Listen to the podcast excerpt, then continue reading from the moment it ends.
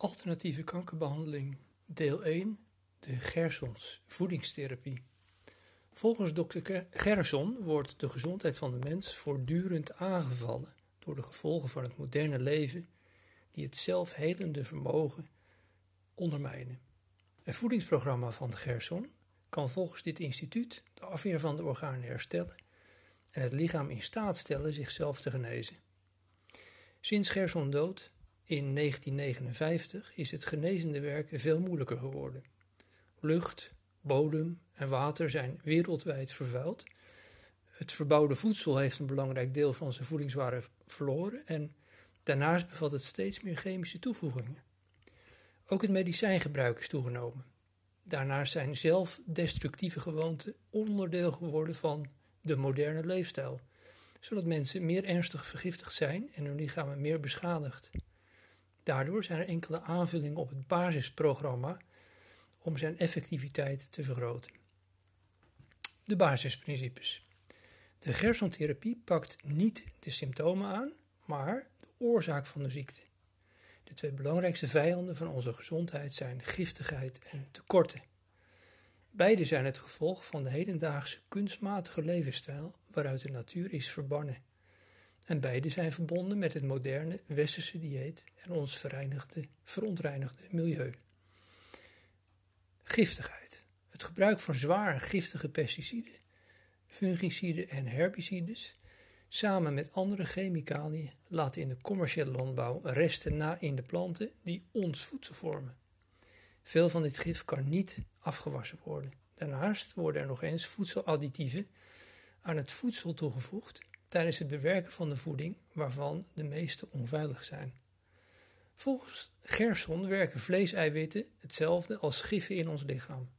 Voor Gerson is de ideale therapie gebaseerd op planten. Daarnaast zijn er de tekorten. Net als met giftigheid begint al meer dan 150 jaar wordt kunstmest gebruikt in de commerciële landbouw. De grond verarmt door toevoeging van stikstof, fosfor en kalium. Terwijl om de bodem gezond te houden het juist veel meer mineralen en sporenelementen zou moeten krijgen.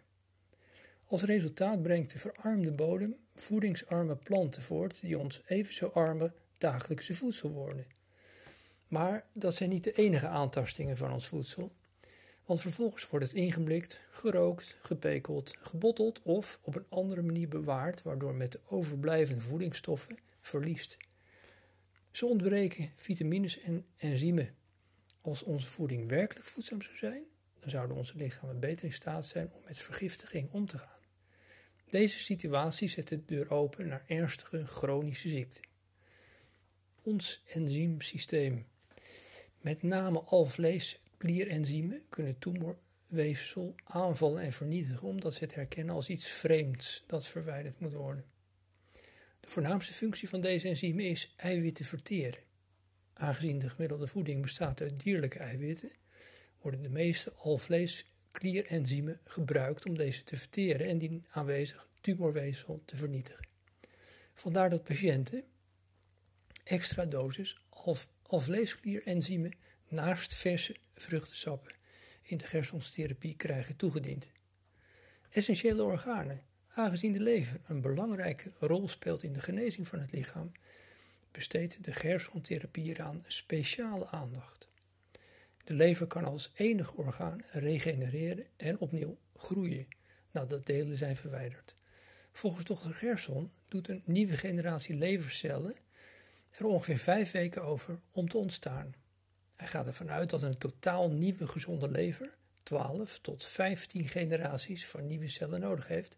Vandaar dat hij komt om een periode van 18 maanden voordat de lever van zelfs vergevorderde kankerpatiënten volledig geheeld en hersteld is.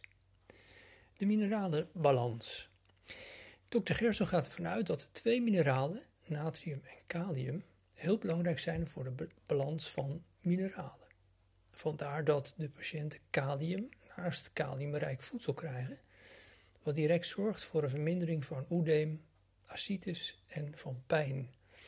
Hij waarschuwt voor het toevoegen van calcium aan het dieet, omdat omdat dit juist de groei van tumor stimuleert. De afbraak van het immuunsysteem. Onze dagelijkse voeding is door de ontwikkeling van de commerciële landbouw en de uitbreiding van de voedingsindustrie enorm veranderd. Het menselijke organisme heeft echter geen tijd gekregen om zich aan deze fundamentele wijzigingen aan te passen. Vandaar dat het niet is opgewassen tegen de verschillende uitdagingen. Het lichaam vecht om normaal te blijven functioneren in een snel veranderende omgeving. Denk aan vervuilde lucht en water en verkeerd voedsel. Kanker. Gerson zegt dat kanker niet kan voorkomen in een normaal functionerend lichaam, omdat het AVR kwaadaardige cellen herkent en vernietigt. Het immuunsysteem speelt een leidende rol. Echter, en nu komt het, het immuunsysteem samen met het enzym- en hormoonsysteem, de mineralenbalans en dergelijke, hebben behoefte aan de juiste voedingsstoffen en kunnen niet werken als ze door giften worden geblokkeerd. Kanker betekent de ongecontroleerde verspreiding van cellen die door een ongezond lichaam niet kunnen worden tegengehouden. Echte, totale genezing kan pas optreden wanneer alle organen van de patiënt zijn hersteld of herbouwd met het beste biologische voedsel en voortgaande ontgifting. De kankertherapie gebeurt door het elimineren van tekorten met hypervoeding en de ontgifting van de vergiftiging. Hypervoeding.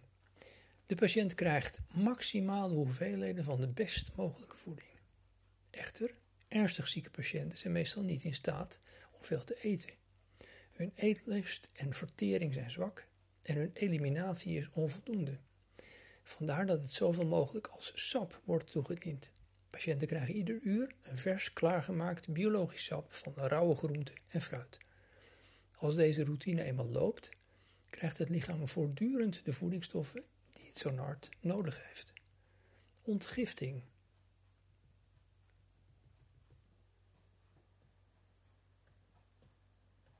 Het lichaam neemt de voedingsstoffen snel op en dringt opgehoopte giften de bloedsomloop in, die deze afvoert naar de lever, het meest belangrijke ontgiftingsorgaan.